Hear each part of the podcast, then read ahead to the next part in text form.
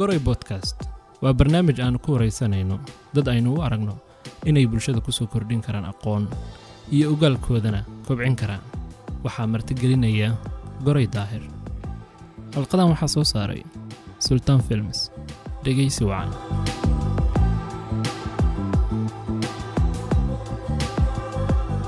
Asalaamu calaykum waraxmat tacala wabarakaatu maantay waxay hor fadhiya faarax cali yuusuf saan hore idinku sheegnay qoray podcast waxaan ugu talagalay inaan ku wareysano dhalinyaro haldoora oo aan u aragno inay bulshada la wadaagi karaan aragtiyo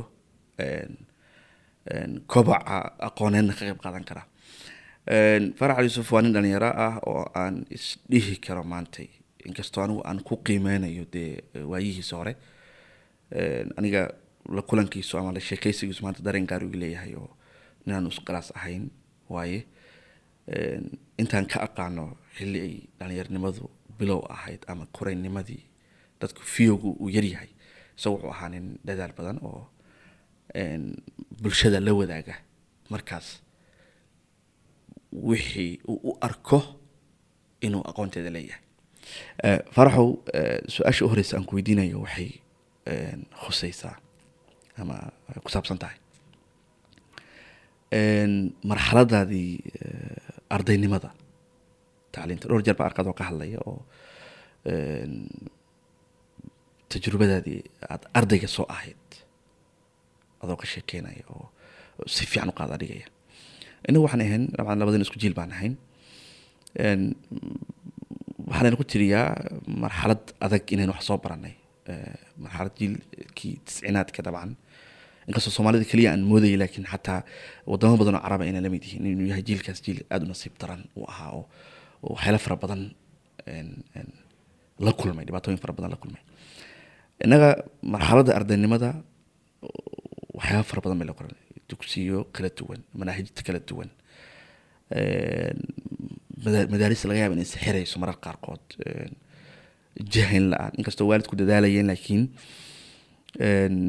dadaal adag la uu jiray laakiinse jahwareer baa jiray. Ardayga marka xilligaas ahaa wax baranayay markii laga tago culeyska aynu waalidiinta ku haynay isaga laftirkiisa waxaa la oran karaa waxaa culeys ku ahaa systemka wax ku baranayay meeshuu wax ku baranayay xaaladdii uu ku jiray. Ha noqoto mid dhaqaale iyo mid mid walba. Bal aynu maanta wax yar dib u laabano kolay dad afartan iyo konton gaari manihin yaan loo malan inaan dad waaweynahay. Bal ardaynimadaas aynu dib yar u laabano isla fiirino soo dhow. Bismillaah. Cabdifataax aada baa u mahadsan tahay. Waa ku faraxsanahay muddo kadib inaynu kulannay oo maanta kan waraysi ma dhihi kareen wada sheekeysanay macnaha wada sheekeysi waxaa kaloo muhiimadeeda leh inaynu ka wada sheekeysanayno marxaladaynu soo wada marnay oo qof walba uu leeyahay tajrubadiisa khaaska ah iyo xasuusihiisa gaarka ah. Waxaa ii farxad ahaan lahaa maanta in wada sheekeysigaani uu ka dhacayo galaaskeen wax ku baran jirnay waxaa laga yaabaa inaan soo go-an lahaa wax badan oo xusuustaydu ay nashaad badan heli lahayd baa dhici kari lahayd. Laakiin ma ayna dhicin lakiin wada joogeenaan laftarkiisu isaga laftarkiisa wuxuu yahay xusuus gooniya. Yahow xilligii annagu aanu iskuulka galnay marxaladdu wadanka aynu ku nooleyn ku jiray waxay ahayd mid ka sheekeynteeda hadeer aynan ku noqon karin. Yacni dhan kasta xilli dowladdu ay burburtay dadkii dagaal la soo galay qax la galay waxbarashada xataa xilligaas bilowga ahaydii waxay ahayd mid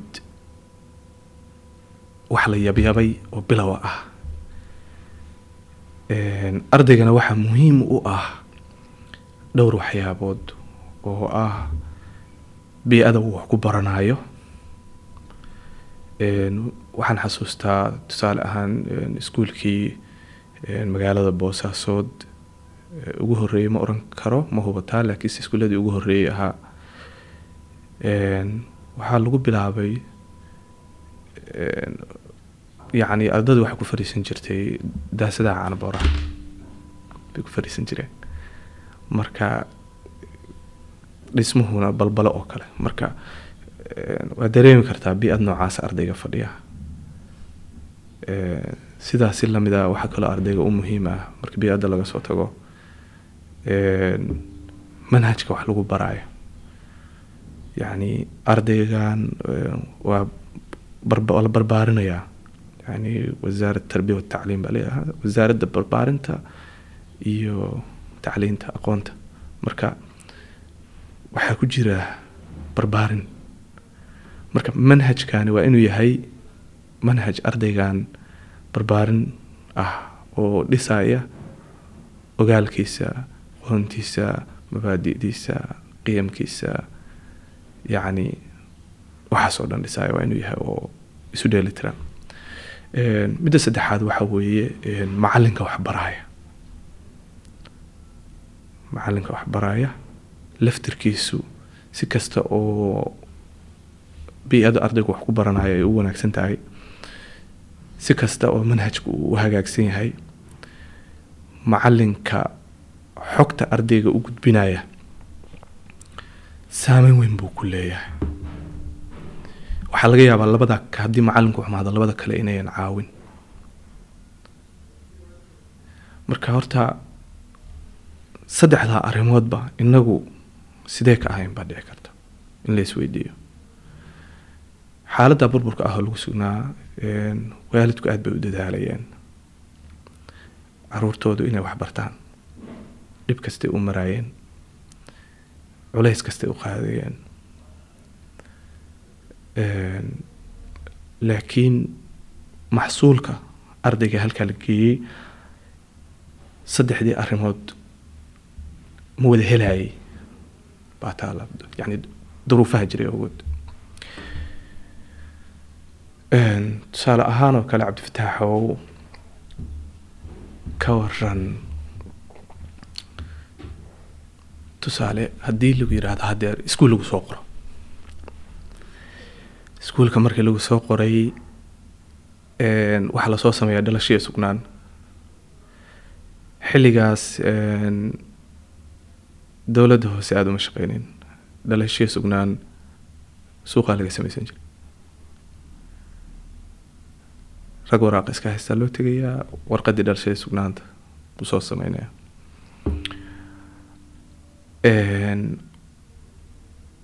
waraaqdii marka aada soo sameysato iskuulka lagu geeyo magacaaga la qoro waxaa lagaa rabaa sawir tee sare ah oo faylkaaga lagu dhejiyo iskuulkaa lagaga qaadaya sawirka markii lagaa qaaday waad soo laabanaysaa maalin kale ka waran sanadkaas hadduu kugu dhaafo oo aada uga harto iskuulkii in sawirkaaga gubtay. Waxaa lagu yidhi sawirkaaga waa gubtay marka marka dambe oo ardayda la qaadanayo baa sawir lagaa qaadan doonaa. Qofka kan waqti baa ku socdaa waalid baa waqti gelinaya qarash gelinaya culaysyaa iska jira adiga xaqiiqada ahaabaa taagan. Waxaadna u hartay shay aan xaqiiqa ahayn oo ah har la qabtay harkaaga oo la qabtay. Sawir baa waxa uga hartay galaaskii dhan. Sanadkaas haddaan iskuul kale aadin waa ku dhaaf. Taasaa dhacday. Oo aan uga haray aniga ahaan sanadaan dib u dhacay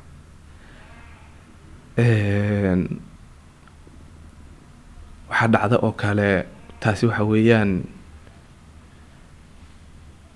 maamulkii iyo iskuulkii bay u tahay yacni bay bay tusaale u tahay. Mid kale macalin baa lay geeyey dugsi qur'aan. Caruur waa garan kartaa macalinku intuu salaada jiray baana dugsiga la yimid. Yani waa la iska gurguuranaya waa la iska cayaaraya dembi aan gashay adoo aan lagu sheegin ama aan digniin lagu siin ka hor ridda markuu macalinku soo galo. Hadduu sidii yacni xoolo la kala eryayo la kala soocayo oo kale uu ul idinla dhex qaado macalinku meeshii kaaga dhacayso iyo inta ay la eg tahay una u fuurin uu fiirinba. Kulligiin ardadii lagu keenay adiga marka. Maanta oo alifka aad ku bilaabaysay. Alif intaan lagu bilaabin haddii ul lagu bilaabo ka hor dareenka aad ardada u qabayso u iyo sida aad wax u baran doontid waxaan aad baranayso iyada laftirkeedu ilmihii yaraa saameyn intee la-eg bay ku yeelan kartaa. Dareemi kartaa taa markii laga soo tago maalin kale waa xasuustaa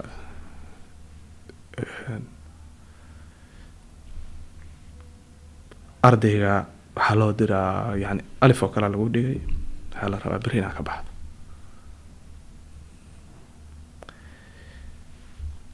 marka wuu kugu dhegayaa wax bilowa weeye ama laba xarfa isdaba marinaysaa adoo aan filanayn sidin koobro qabanayo macalinku dhab hadduu dhuunta ku dhaho ka waranaya ku ceejiyo.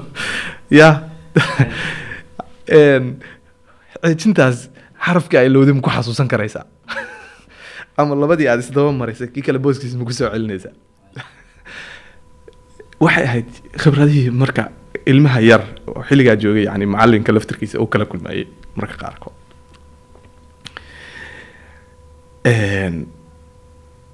marxaladdu marka marxalad sidaasabay ahayd oo taasi waa ka taatiibti dugsiyadii waaye. Iskuol weli ma aanan gaarin. Waalidku juhdi buu bixinayay waalidku wuxuu bixinayay wakti wuxuu bixinayay lacag wuxuu bixinayay yacni culays buu bixinayay yacni juhdi buu bixinayay aada u weyn xataa mararka qaarkood wuxuu ka ilmaha lafihiisa wuxuu lahaa. Ana jirkaan leeyahay adna lafaha leedahay.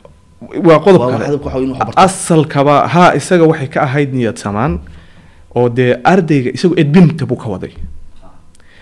Laakiin inuu siday tahay oo waalidku u leeyahay mar waxaa laga yaabaa waalidku inuu arrintaa u dhahayo si uu ilmaha dhegaha ugu rido hadhow si uuna ugu soo suuroon oo macalinka uga dacwoon. Laakiin inuu sida uu macalinku sida waalidku u yiri in macalinku sideeda iyo ka daran u qaato macalinkay ku xiran tahay. Yacni irbad qof marka lagu duraayo caafimaadka waxaa la fiiriyaa qofka miisaankiisa waa la fiiriyaa.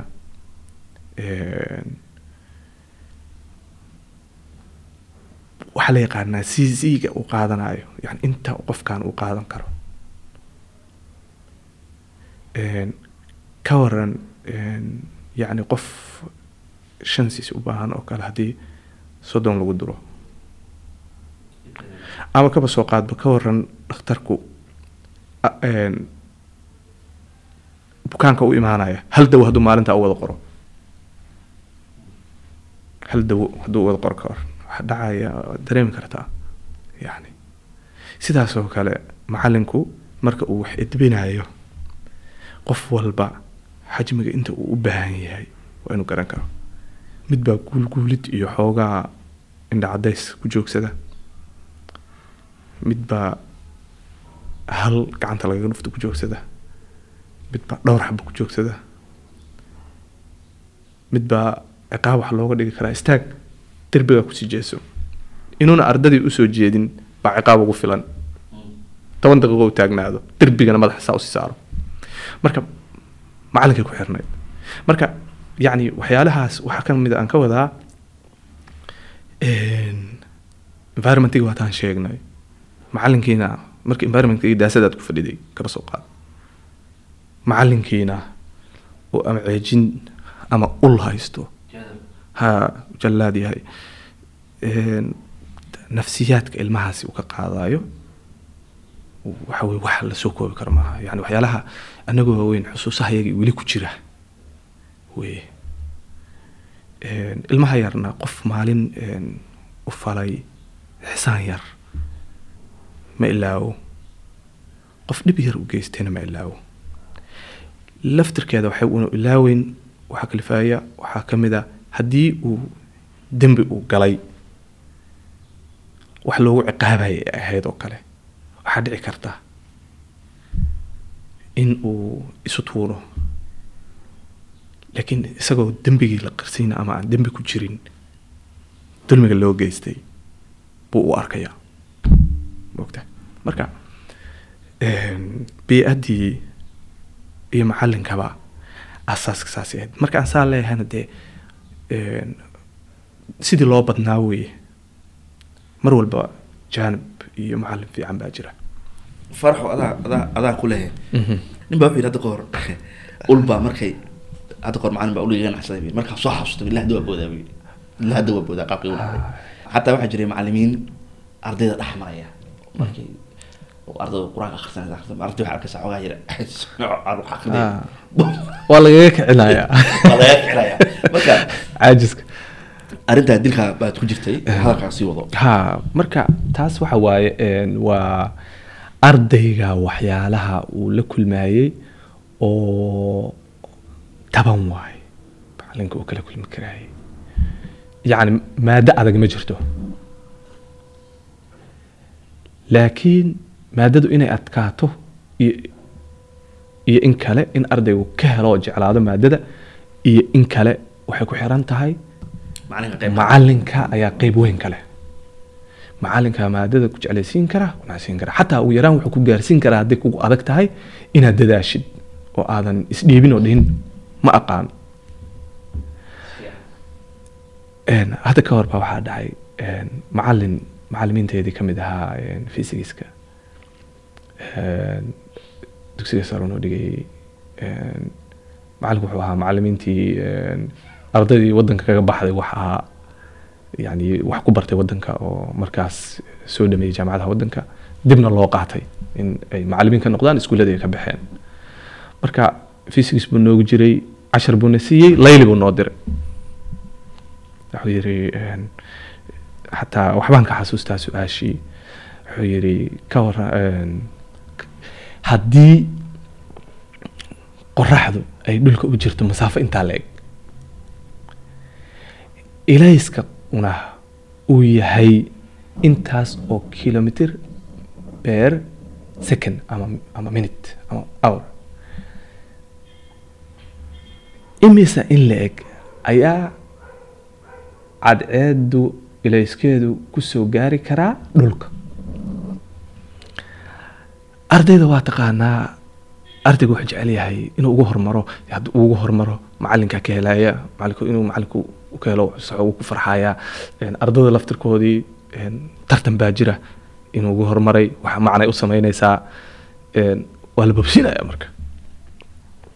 Ardayga waa bobsiyey marka. Bobsiyey macalinku u geeyey. Macalinku u fiiriyey ilaa hadda waa ii sawiran yahay. Markaas wuxuu yidhi qaab macnaha xoogaa justice ku jiro. Adeer intatan haddii ay soo socon lahayd asbuucyaa dhulka mugdi lagu jiri lahaa yidhi. Habeen asbuucyo habeena baa lagu jiri lahaa haddii ilaysku saa u gaabinayo ku noqo. Annaga ereygii uu yidhi waa maqalnay qaabka u hinin dhisa macalinku waa aragnay. Een, ardaygii soo noqday isaga oo moral jabsan gabax dareemay Een, yacni qiimo ridis dareemay xataa dhiga hadalkii. Meeshuu soo fariistay.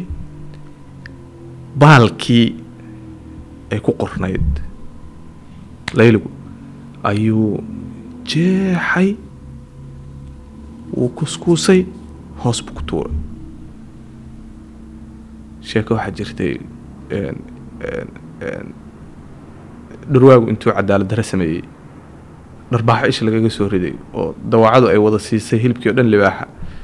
Naadawa yaa ku baray buu yidhi cadaaladda isha cali ka lulataa ay bartay bay tiri. Aniga markaa ninkan saaxiibka dharbaaxada ku soo dhacday baan arkay. Anigana buuggeygii baan isku laabtay hoos baan dhigtay. Qof dambe kama jawaabin. Layligaas xataa intii wadda joojisay waxyaalaha ka dhashay waxaa ka mid ahaa aniguna ma yeelan. Maadooda fysigiska wax xiise ah xiisahaygii maalintaas u jab.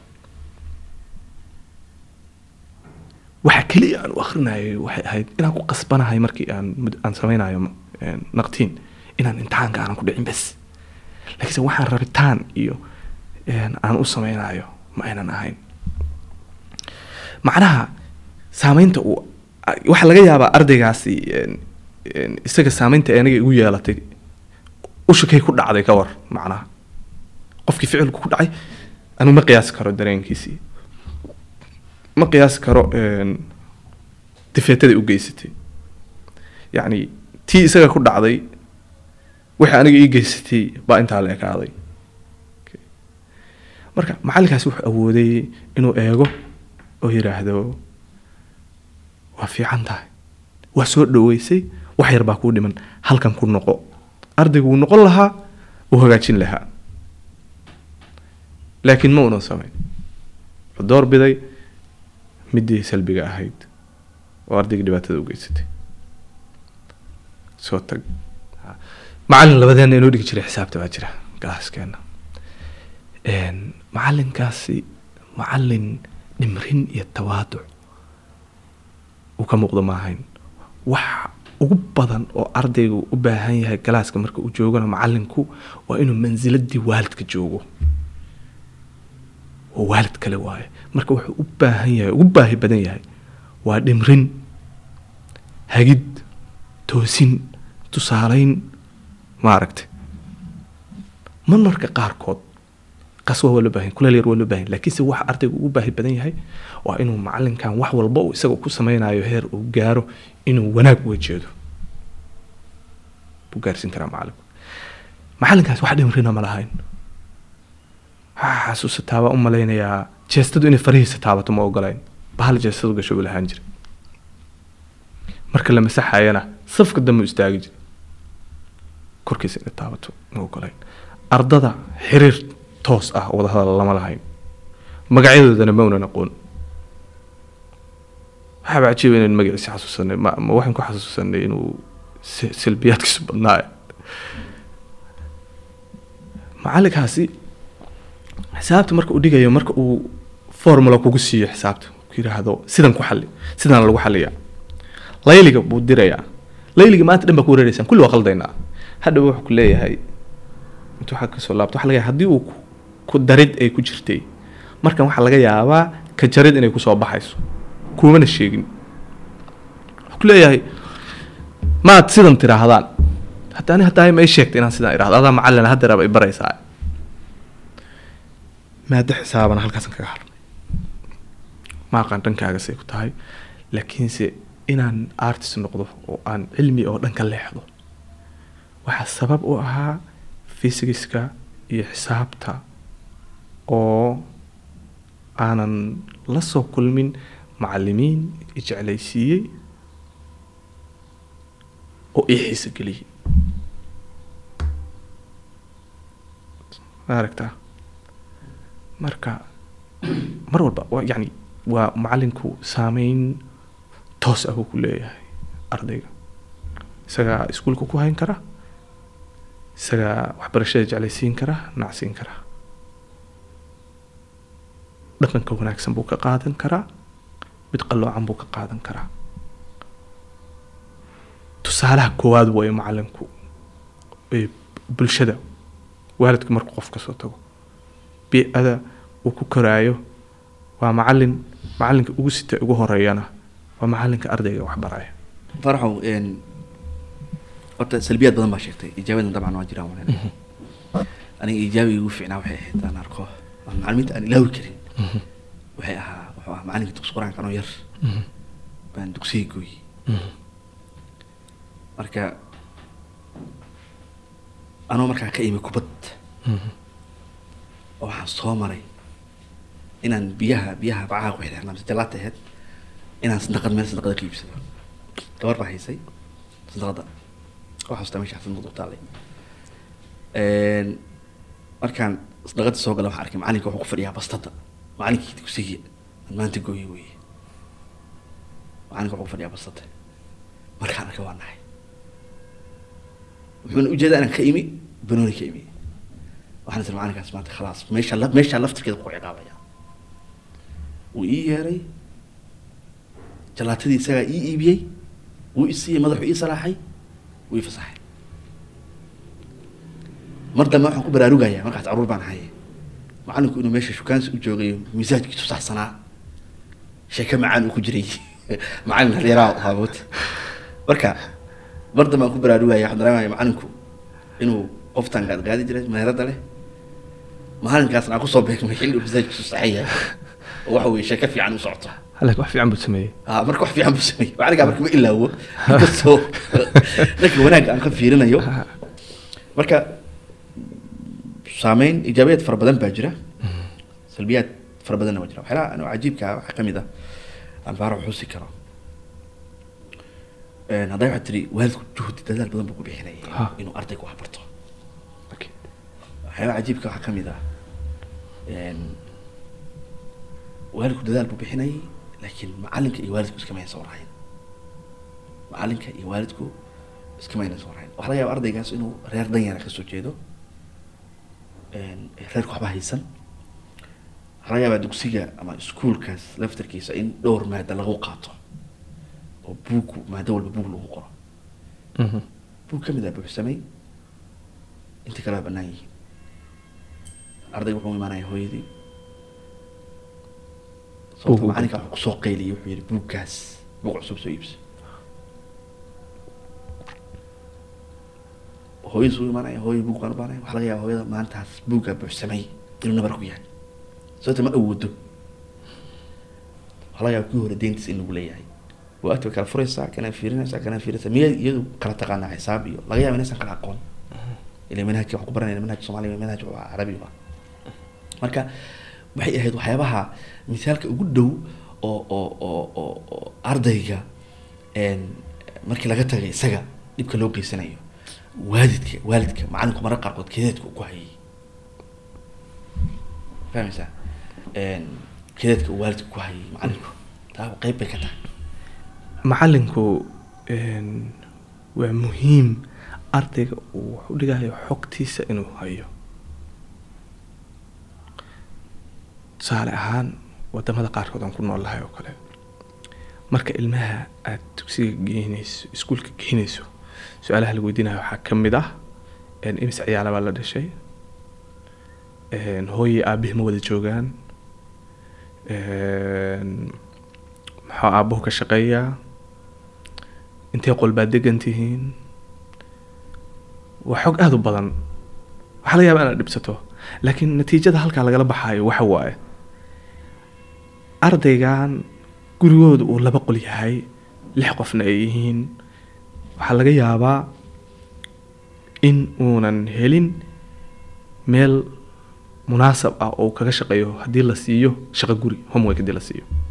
Marka ilmahaas homeworkiisa galaaskaa loogu badinaya tusaale ahaan macalinku ihtimaam gooniyuu siinayaa galaaska ugu badinaya waayo wuxuu og yahay haddii uu guriga u siiyo inuuna ama waqti u heli karayn ama uunan u heli karayn jawi munaasaba uu kaga shaqaysto Een, aabbihii hooyadu ma wada joogaan? Hadday kala maqan yihiin ama ay furayin ama yani separation kala tag ama yani sidii rabaan ku kala maqnaadaan. Laftirkeedu macalinkaana wuxuu ogaanayaa ilmahan saameynta ay ku leedahay. Marka macalinka wax u dhigaya ardaygu waa muhiim in uu la socdo ardaygiisa xaaladiisa dhabta haddii kale waxaa dhici karaya waxyaala badan qalad badan baa dhici karaya. Sida taa haddeer aad sheegayso oo kale.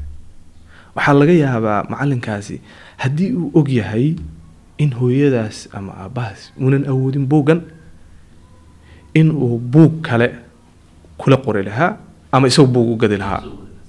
Baa dhici lahayd. Laakiin ma oga inuu og yahay wax kasi daran inuu rabinba inuu ogaado. Yani mas'uuliyaddaasi aynan ku jirin ma ogtahay. Marka een, waa runta cabdifataaxow een, waxay ka mid tahay eh, waxay ka mid ahayd waqtiyada la soo maray. Culeysyadii ugu weynaa bay ka ahayd.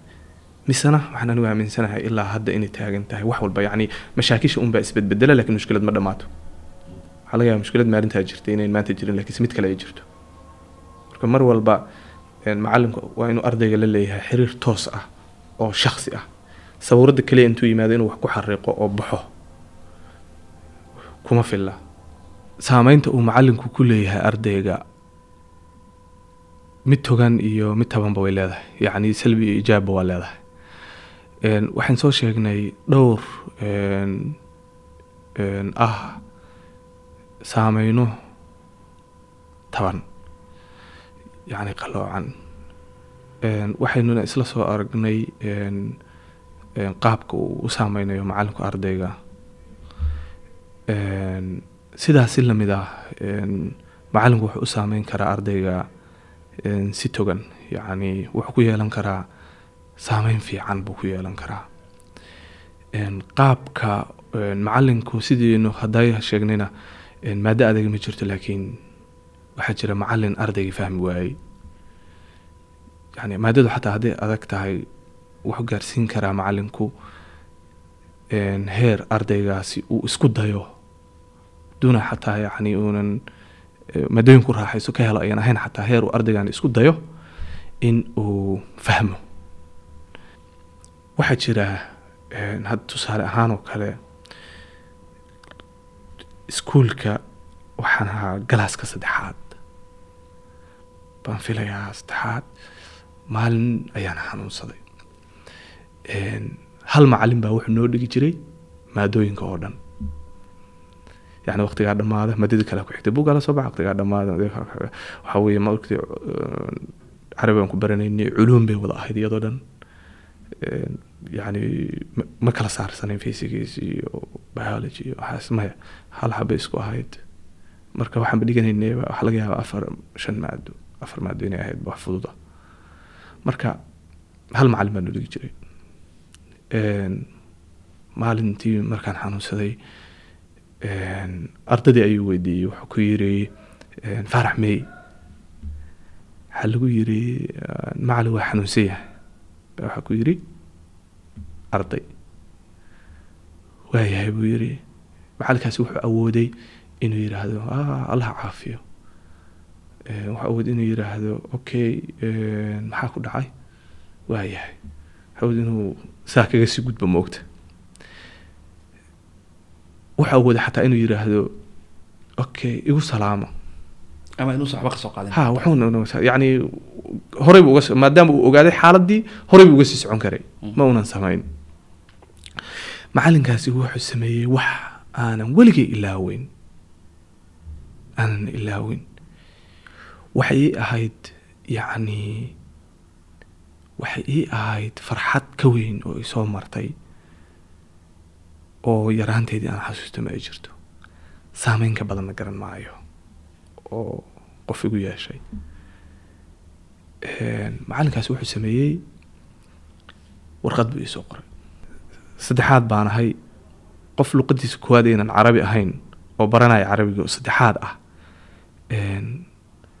fariin in carabi loogu soo qoro laftirkeedu waa wax lala yaabo laakiin waxaa laga yaabaa inuu isaga ujeedo ka lahaa ujeedadiina waxaan aaminsanahay inuu gaaray.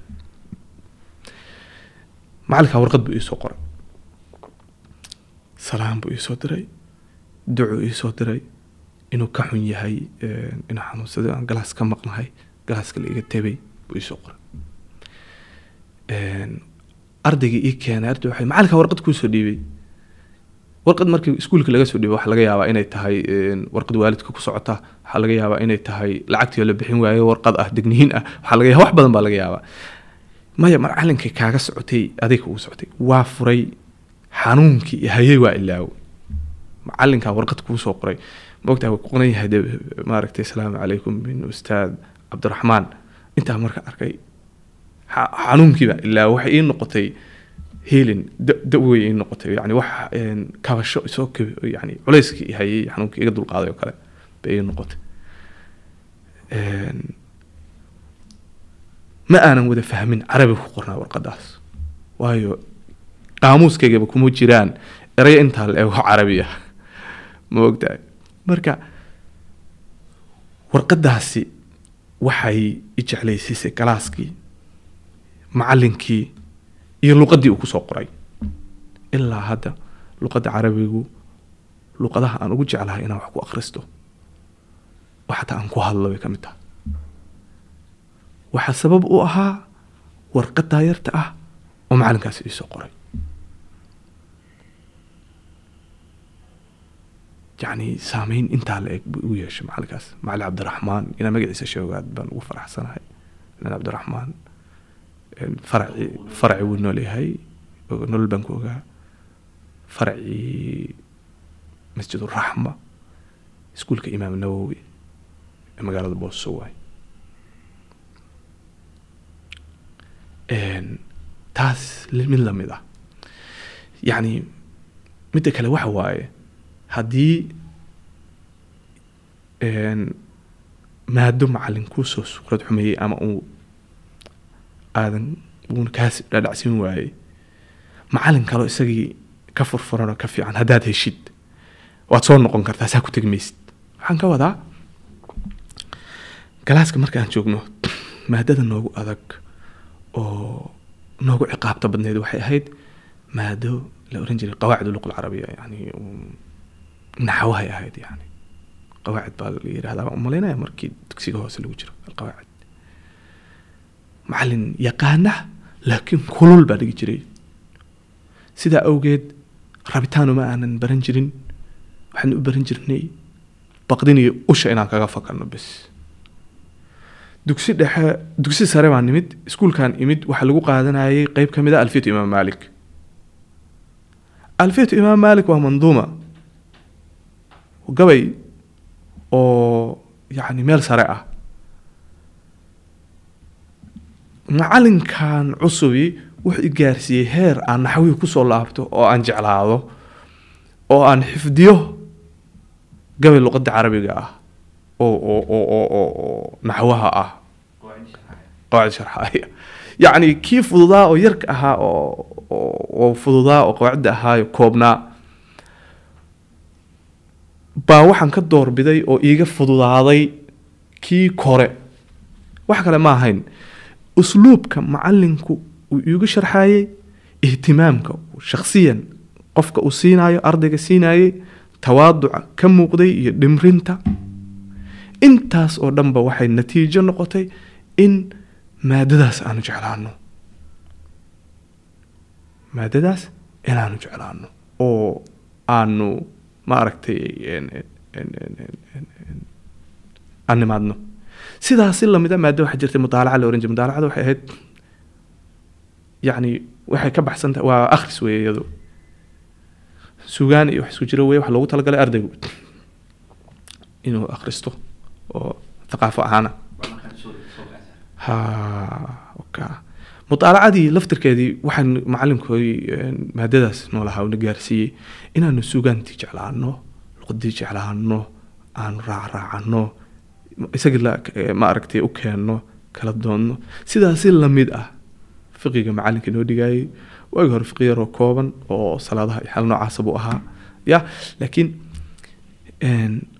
fiqi madhaba baanu u guurnay madhabka shaaficiga macalinku qaabka uu noogu sharxayay qaabka noogu sheekeynayay yacni waxay ahayd mansilo kale oo aanu yani isu diyaarinaynay rag ducaad noqon karoo kale inaan noqono marka aanu casharkaan aan dhiganayno dadka inaanu u sheegi karno. Si qaabku noo gelinayay iyada laftirkeedu waxay marka baytulqasiidku waxa weeye ardayga fahamkiisa xiiseynta maadada ka helitaankiisa inuu sii wato horey uu sii socdo iskuulka joogitaankiisa ka tegiddiisa macalinku waxa uu ku leeyahay qeybta ugu badan saameynta ugu badan. Sidaan hadalkaa ka dhawaa horta waxaan malaya anaga iskoolka masaarida anagu timi markii dambe. Azhar azhar Ha. toddobaad ama sideed qarraa timi qarraa u soo wareegtay markaad boostaa ka soo wareegtay. Eh, boosta markaad joogtana waxaad dhiganaysa manhaj kale oo eh, waxaan malaynayaa ama sacuudi ama imaaraatiga ah ha akiid ha. Iskooladaas eh, nawowi lagu ha. Dhigay manhaj midaysan ma jirin okay su'aal wajihi intaana manhajka aanan u gelin ardayga iyo maamulku marka keliya is arkayaan goorma waaye mataqaan waa iyadoo macalin kuu gudbiyey dacwo lagaa yahay baad maamul is arki kartaan horta haddiiba lagu yidhaahdo xafiiska lagaaga yeeraya adinkoo galaas ku jira waxaa lagu leeyahay xaaji lacagtii odaga wuxuu- lacagtii baa gabar baa warqad u qortay. Wax kale buu kala kalaas ka samaysay. Dembi macalinkii xallin waayey baa lagugu wadaa maamulkii sare weeye ka waran haddii maamulkii dhammaa uu u soo safro magaalo kale u yimaado si adiga kuu caawiyo. Waa arrin cajiiba arrin cajiiba ustaad markaan ka soo wareegay iskuulkaygii magaalada boosena waa azhar baan imid. Qardho iskuulku aad buu sharci adkaanaya markaas iskuulka azhar. Aqbaladiisuna way adkayd. Aniguna duruuf ii gaar ahayd baan ugu soo wareegay magaalada. Waxaan la xiriiray maamulkaygii. Waxaa markaa noo ahaa ustaad sakariye maxamuud ciise allah u si kale waa u xallin kari waaye telefon wuu ku xallin waaye. Boosaaso ayuu ka soo safray ri ayuu yimid.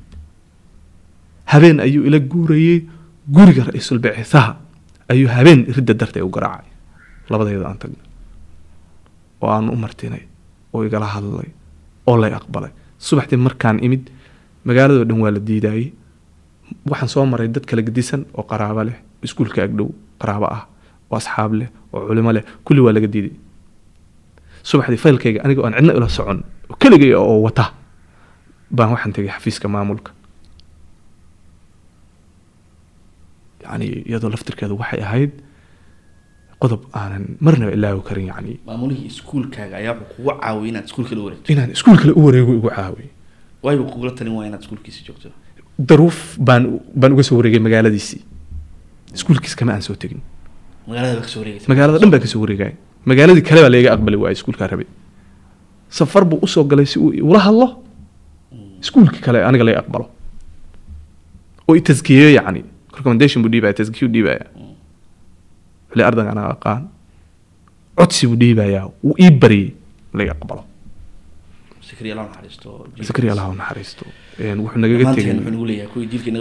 Ah, cid walba abaal buu ku lahaa reer Sakariye, Ah.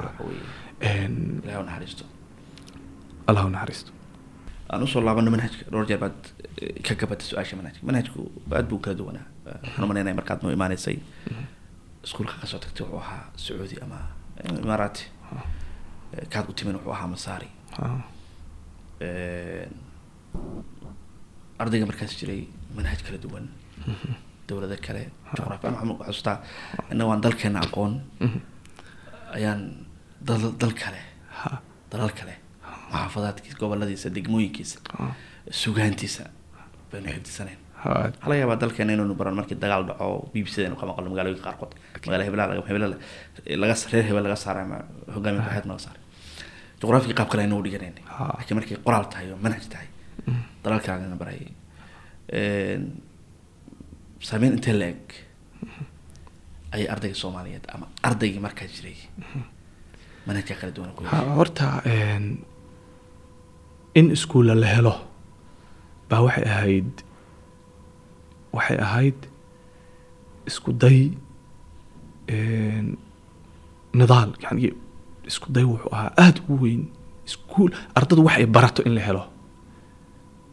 Waddanku wuu burburay manhaj keliya lagama fikerayn ardaygan waxaa laga fikeraya inuu wuxuun barto una umi noqon.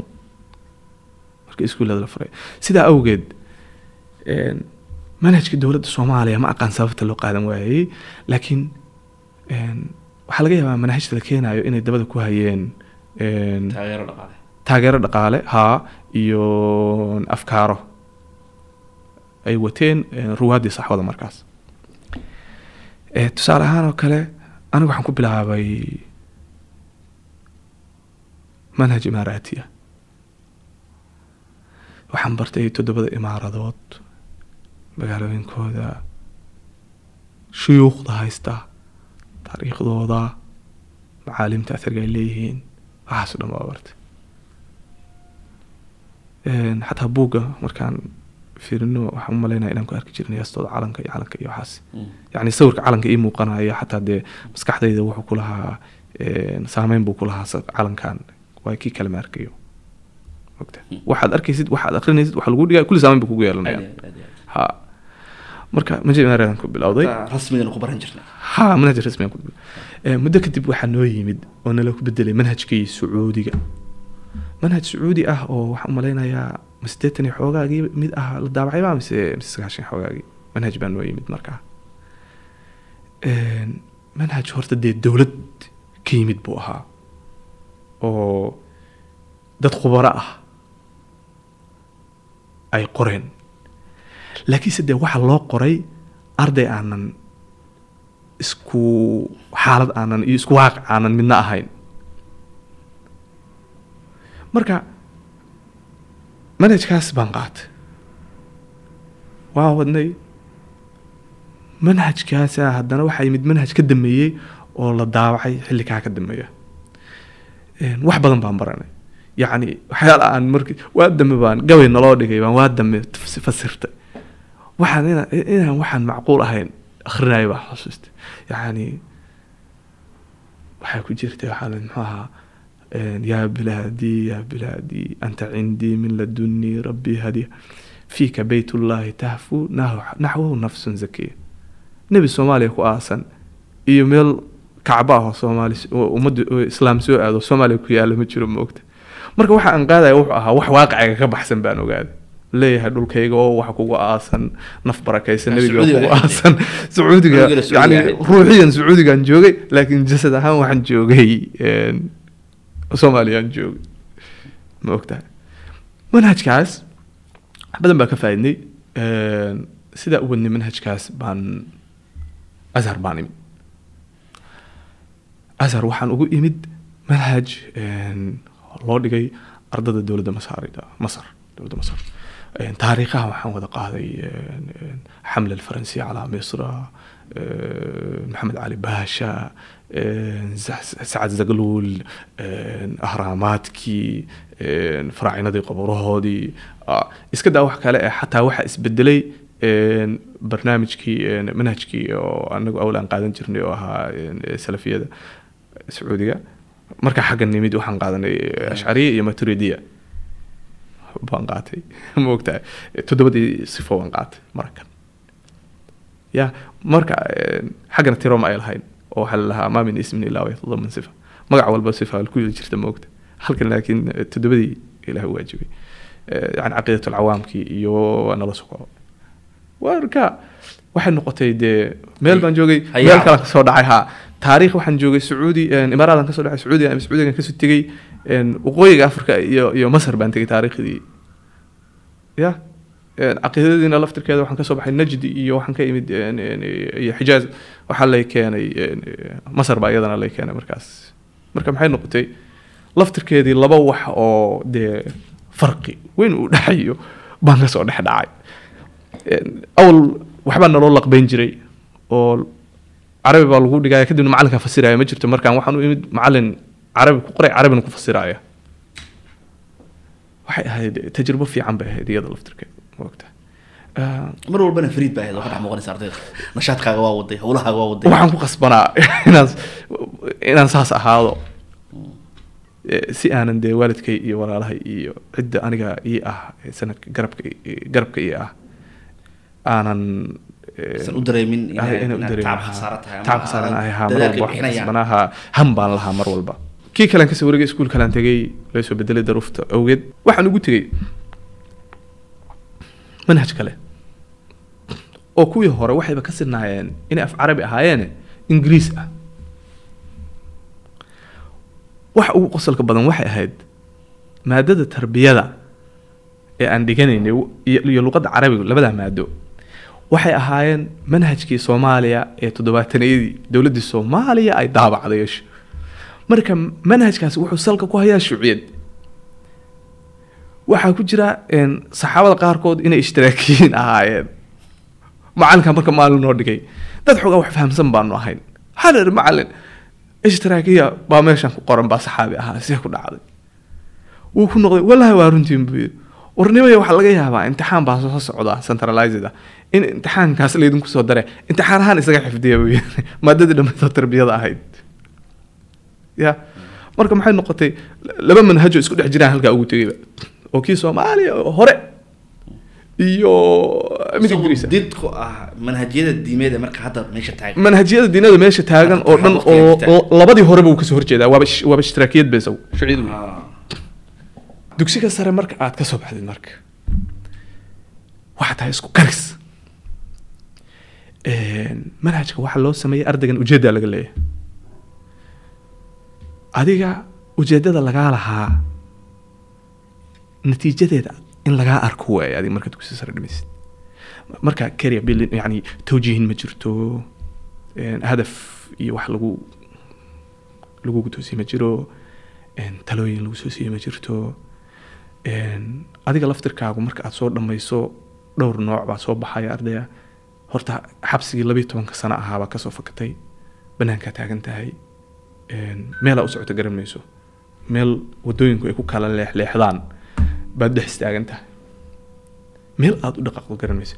Marka waxaa kugu dhacaya fuqdaan hawiya waa is- iswaabaa kugu dhacaya adiga oo dhan baa identity crisis baad gelaysaa waxaa kugu dhacaya inaad isweydo mid qof ahaaneed iyo mid yani kayaankaaga adiga dhan haa wax yani waxaa ka shakiyaysaa yani markaa waxa dhacaya wax walba inaad kacdoon ku samaysid.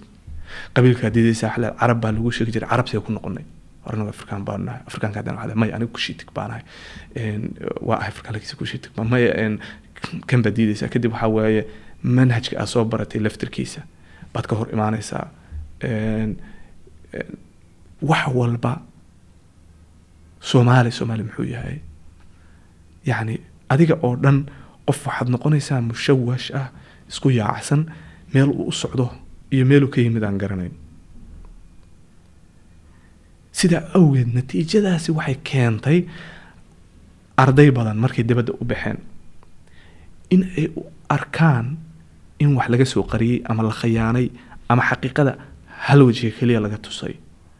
Sidaa awgeedna ay siibeen oo ka siibteen wixii la soo barayba qiyam ha ahaadaan ay ka hortageen akhlaaqiyaad ka hortageen wax walba yacni cagsigeeda inay tageen.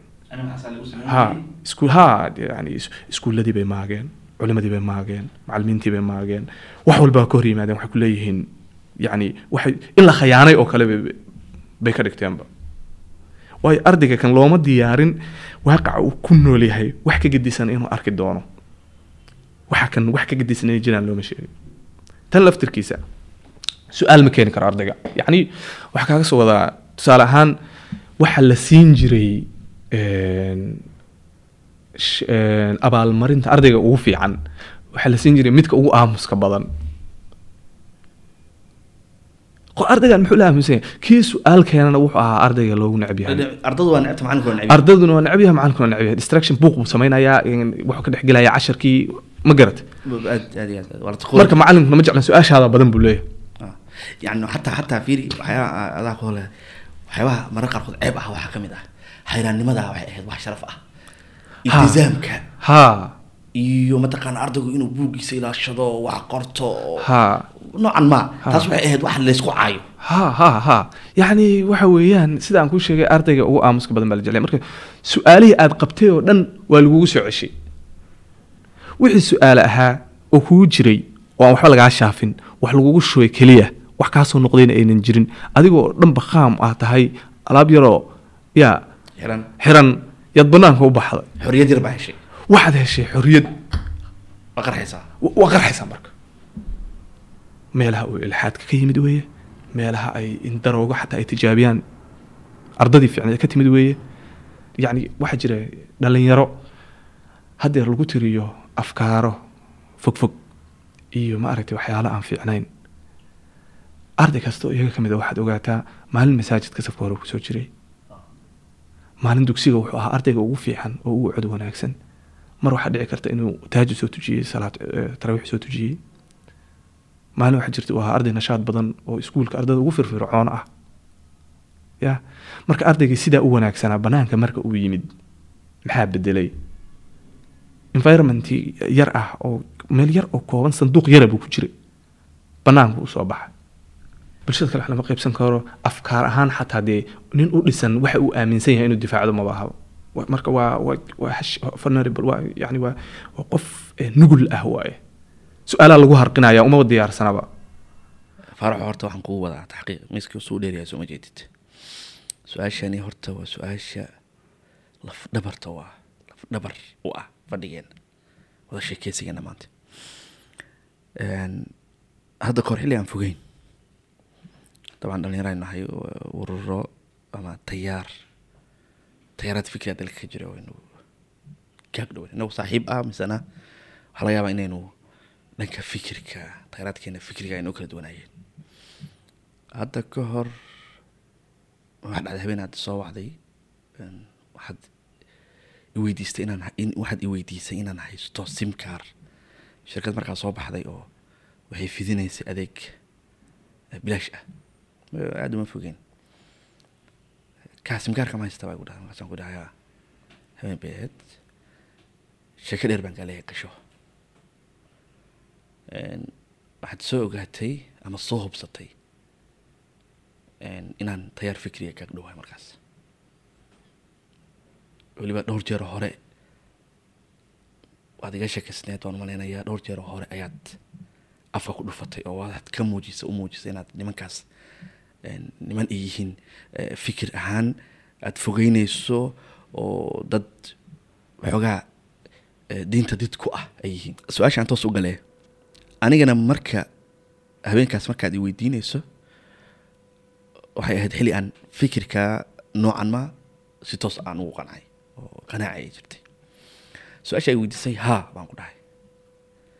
Waxaan xasuustaa inaad tiri nimanka haddaa ka mid ahay ka mid tahay saaxiibtinimada halkaas ku dhamaanaysaa waa niman calmaaniyiin ah waa niman noocaas ah niman diin cilaaqala leh ma ahan anigu waa dareensanaa laakiin saaxiibkay baa tahay dhowr jeer horaan kaa waaniyey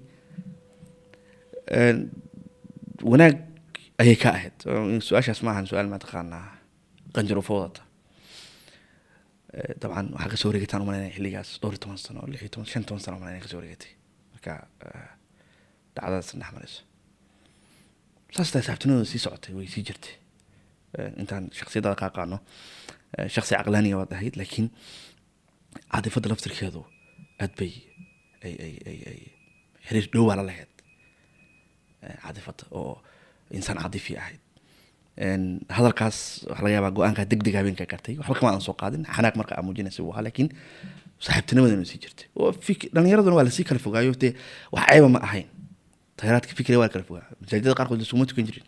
Waad ka warhaysaa u malaynaya oo ma ahayn wax ceeba taasi ma ahayn. Wax caadiga noo ahayd.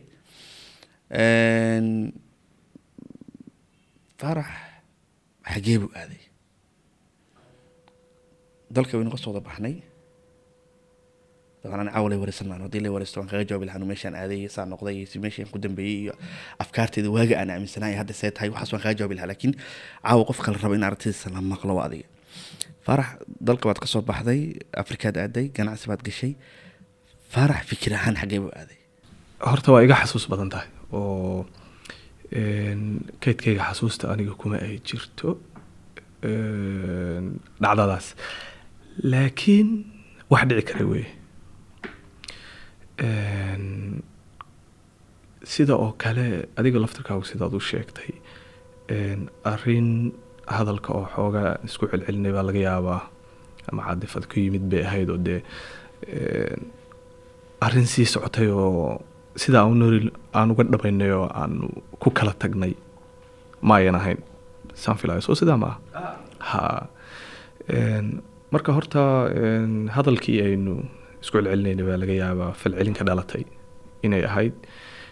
Sidii aan jeclaa iyo waddadaan jeclaa inaad aynu isla marno ood ka leexatay iyo een, ka soo noqo iyo ku adkaysigii iyo een, yacni nooc min altahdiid oo kale niyo haddaadan saa yeelin sida tan oo kale baa dhici karta oo kale. Waxaabay ahayd horta laakiinse wax caadi hadday hadday jirtay iiga soo go'ay oo aan ku go'aan qaatay ma aynan ahayn taa isla qarsanaa u malaynaya taa marka laga soo tago niyahow waxaa la yiri waxaa la yiri qofka afkaartiisu waxay ku siman yihiin ogaalkiisu intuu yahay. Yacni tusaale ahaan oo kale waxaa jira wax la yidhaahdo xukmu shay farcan tasawure. Marka aad rabto inaad shay aad wax ka sheegto ama xukunto qaabka aad u suureysatay baad ku dhisaysaa. Marka qofku xog uu marhayay ama si wax loogu sheegay ama intii ogaalkiisu uu joogay ayuu ku dhisayaa go'aamada uu qaadanayo iyo fikradaha uu ku qancayo. Sidoo kalena afkaartu yacni ka hadli maayo mabaadi'da iyo qiyamka mabaadi'da diinta ah asalka ah suusha ah ee aan isbedbedelin mujaamaladna gelin tanaasulkuna uunan ka banaanayn kuwa ka hadli maayo. Lakin waxaan ka hadlaynaa waxa weeye wax lagu kala aragti gedisnaan karo oo ka sarreeya intaa. Marka sibaad wax u arki kartaa waqti waqtiyada ka mid ah macluumaadka xogta iyo ogaalka aad yeelatay waqti kadibna waxaad u arki kartaa sidii sidaan ahayn. Waxyaalaha aynu isku haysanay ama aynu aynu u kala dhoweyn adigu waxaad dee sidaa sheegtay teer caadi abaad gashay. Laakiin anigu laakiin meel aan si rasmi ah u galay oo aan ka tirsanaa oo aan afkaarahooda boqolkiiba boqol qabin ma jirin laakiin waxaa jirtay dhinacaan u dhowahay xaqiiq. Oo dee madarase aan u dhowahay aad bay u jirtay. Kadib da-deedii way weynaatay. Waaqici aanu ku nooleen waa isbedelay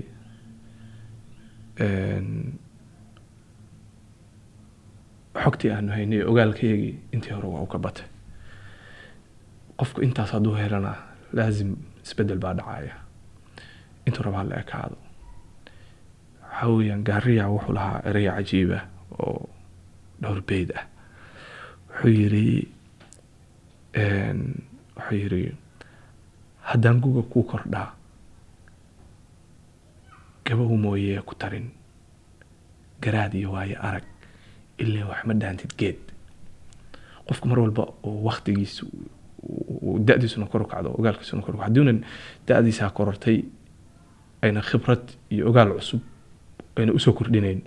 Hadda geedka halkaa taagan oo maaragtay aan isbeddel badan ku dhicin waxba ma dhaamo maogtahay marka waxaan kaaga soo wadaa faarax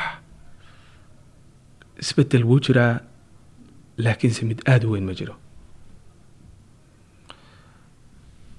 Tusaale ahaan oo kale banaanka markaan u baxnay dhinac baan u dhowaa. Banaanka markaan u baxnay waxaan tegay waddan muslimiintu waxay ugu baahi badan yihiin uu yahay midnimo. Yacni dad aada u yar ay joogaan soomaalidu ay dadka ugu yar ku jirto muslimkuna uu ka yahay tir aada u yar. Marka waxay noqotay isku masaafo inay ii jirsadaan tayaaraadkii tayaaraadkii inay isku masaafo ii jirsadaan. Oo waxa ugu badan oo aan ka shaqeeyo ay noqoto is ururintooda isku hayntooda iyo mid degtaa ka weyn oo ah mid qof walba waajibkiisa ah oo waxay tahay dee dal waxaa la joogaa aan islaam ahayn waxaa naga saaran mas'uuliyad inaan dadka gudbino diinta u gudbino wanaageeda aan tusino ma garate? Horta taasna waxaa lagu heli karaa jaanibka ruuxaaniga qofku inuu noqdo qof naxariis leh dhimrin leh waxa uu gudbinayo ku gudbinayo waddo fiican yani si qabow inaad wax gudbiso oo kale marka isbeddel badan ma jiro laakiin dee isbeddel wuu jirayaa isbeddel wuu jiraya adiga laftirkaaga de hadeer sidaa sheegta haddii lagaa wareysan lahaa maanta waxaadu badan ba. Baa sheegi lahayd ma ogta marka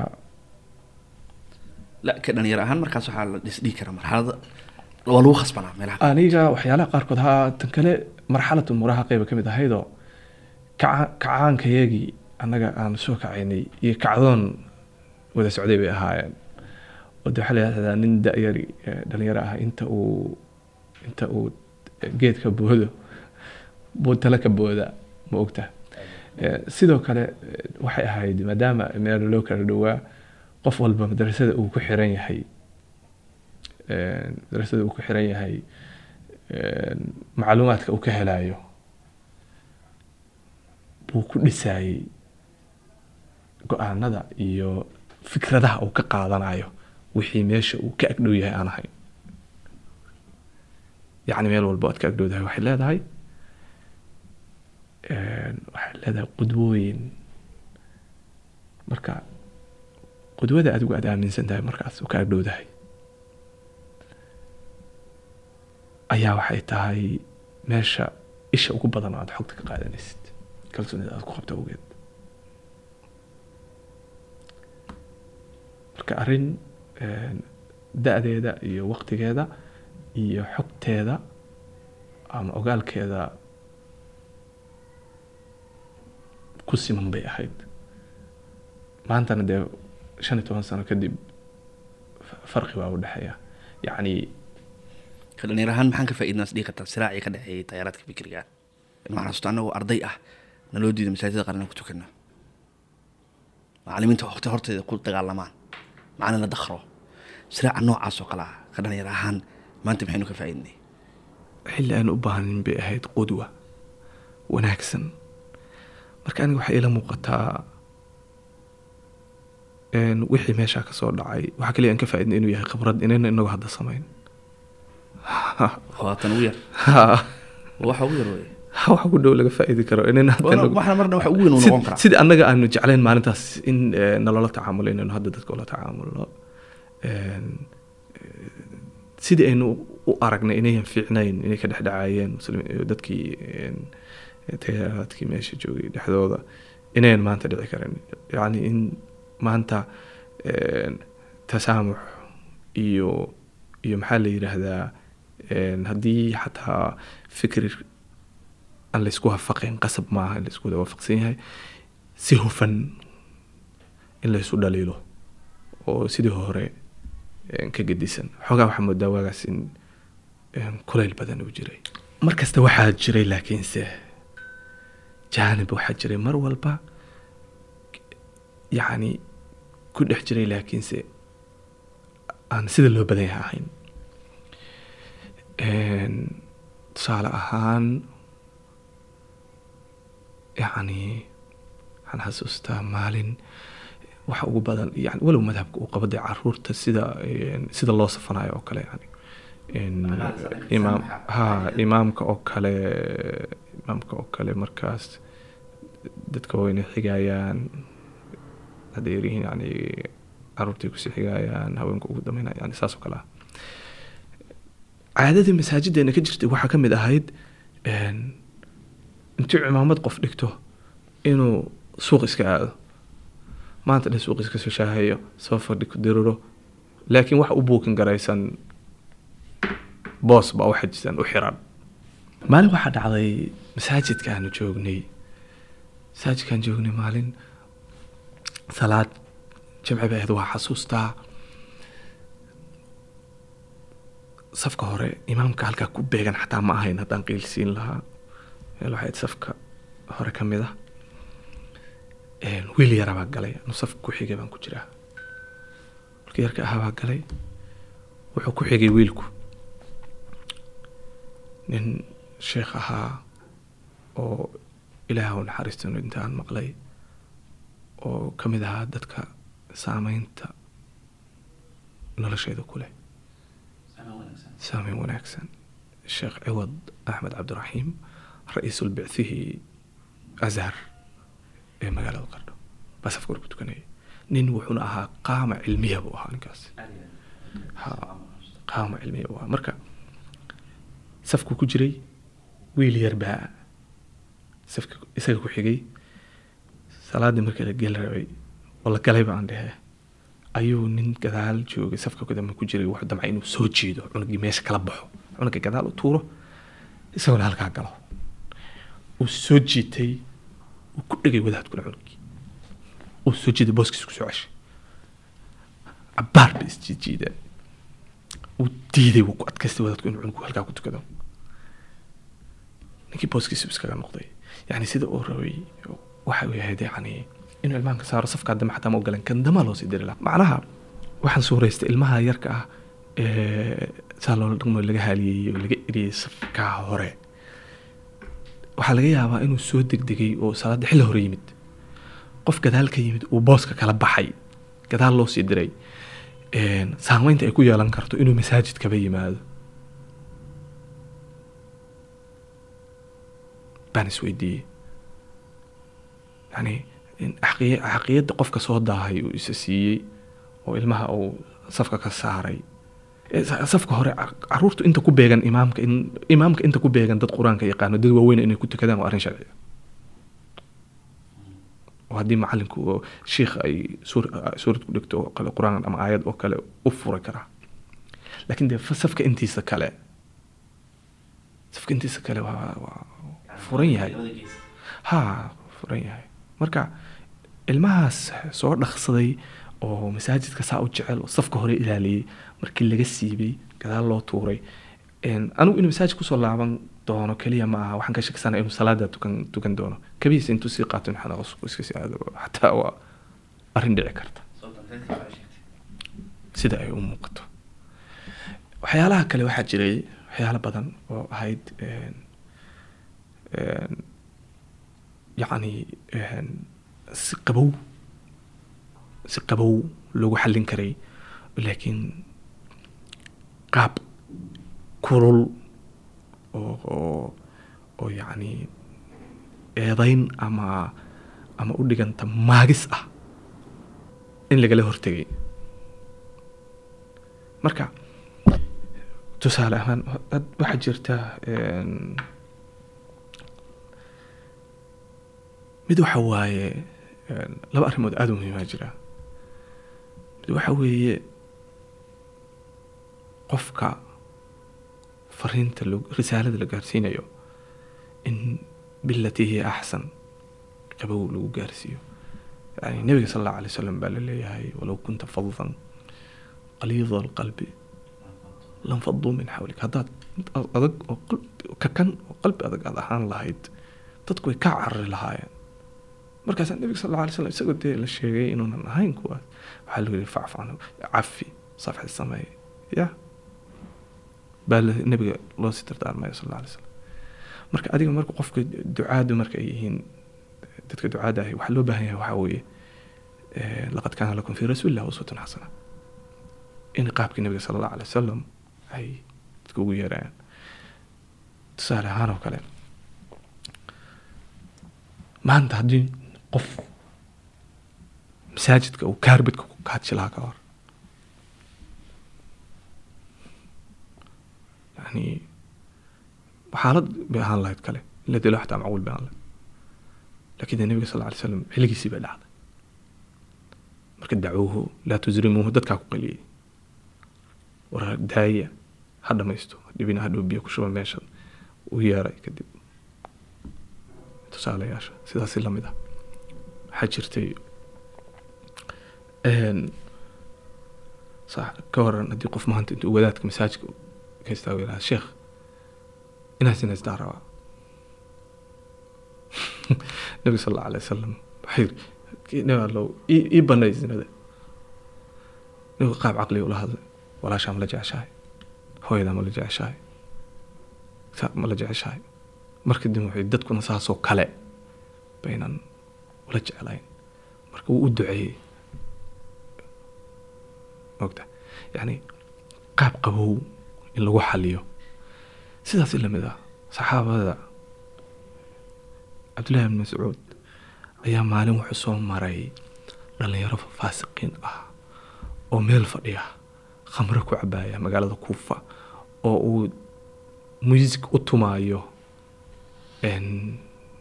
nin zaadaan la yiraahdo.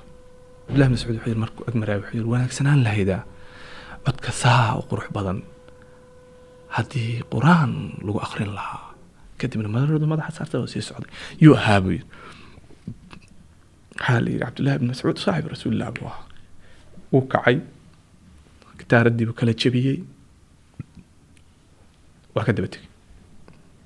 Ninkaas wuxuu noqday bifadli kelmaddaa keliya baa wax bedeshay noloshiisii dhan oo waxay noqotay nuqda taxawul meel iska bedelay yani wuxuu noqday wuxuu xadiis ka wariyay salmaan alfarisi cali bn abi aalib cumaar caaisha radi allahu canha cabdillahi bn mascuud taabic weyn buu noqday kelmaddaa keliya ka horan markuu soo agmaray hadduu oran lahaa cabdillahi mascuud oo kale inkaari kugu dhacda ilaahay cod uu siiyey iyo bal wuxuu ku akrinayo naga tag codka ilaahay baa na siiyey inuu dhaho dee waxbuu ma maad codka na siiyey waxrabna ku akrin ya marka dhalinyarada iyo si guud dacwadu kama maaranto marnaba.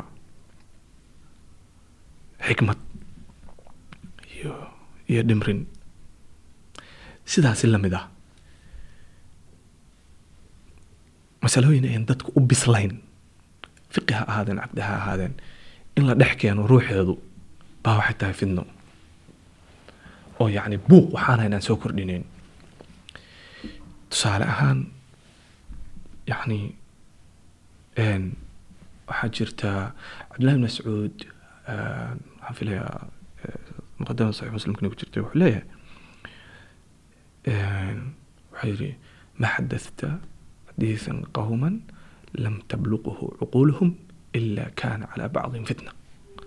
Dadka wax cuquushooda iyo ogaalkooda uunan gaarin oo dhaafsan aada uga yani mawjad aada uga sarreysa kala hadasho. Qaarkood bay waxay ku noqonaysaa fidna.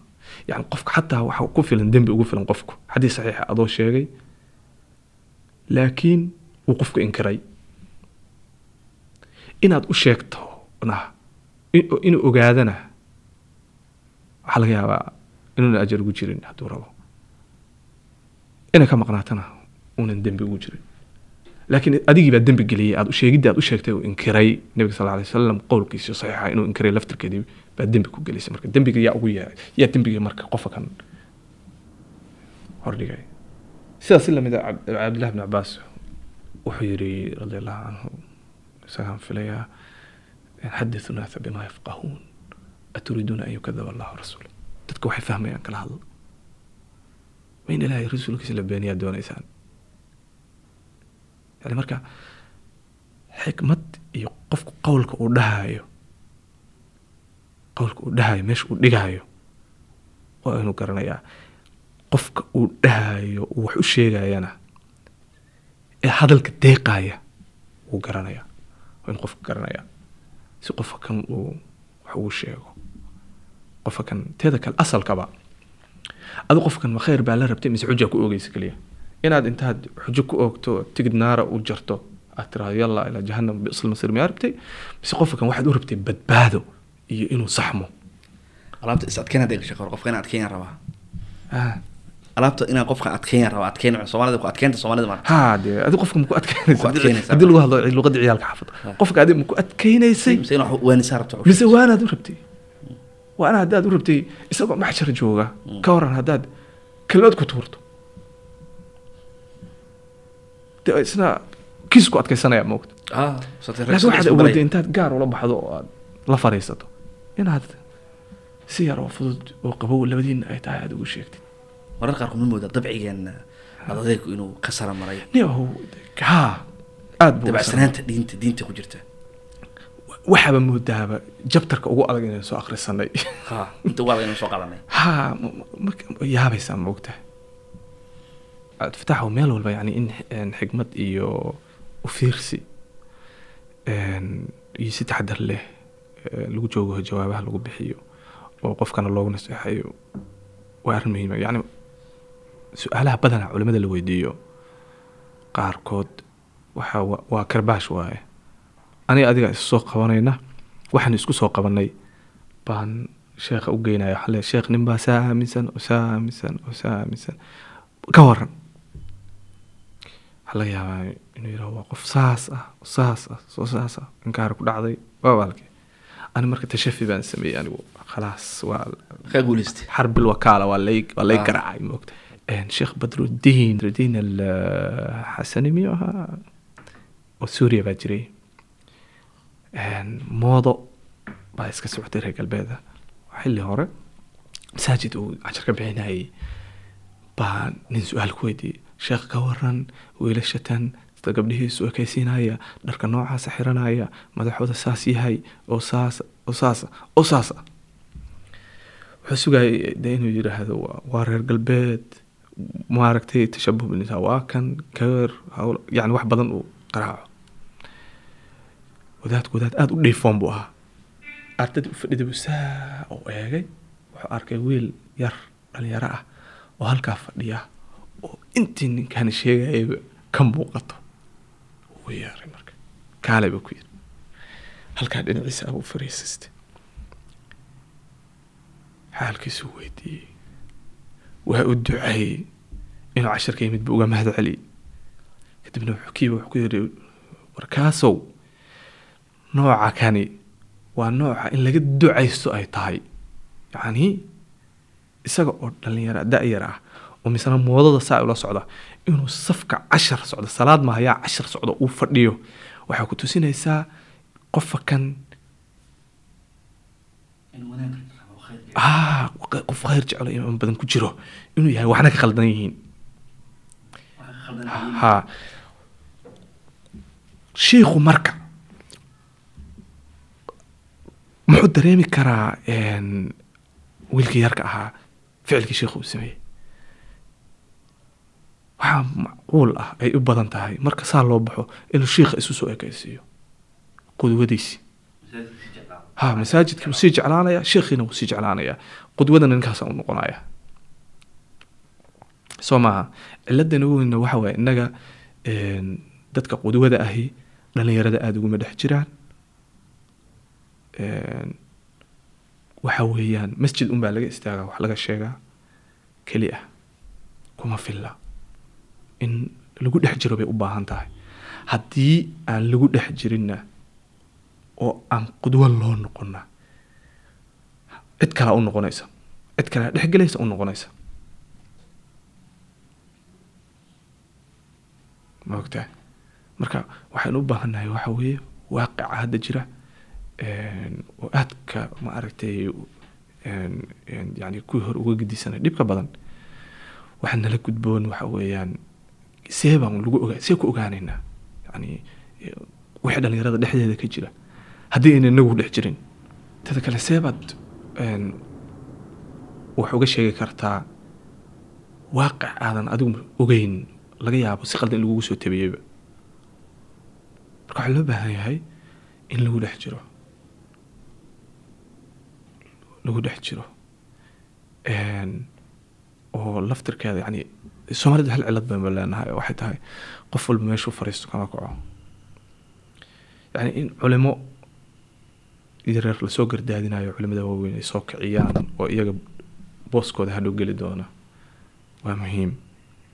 Sidaas si lamida macalinku inuu soo dhiso sidaas si lamida kale laakiin qof walba meeshuu lixdankii soo fariistay rabaa inuu fadhiyo inta uu ka dhimanayo.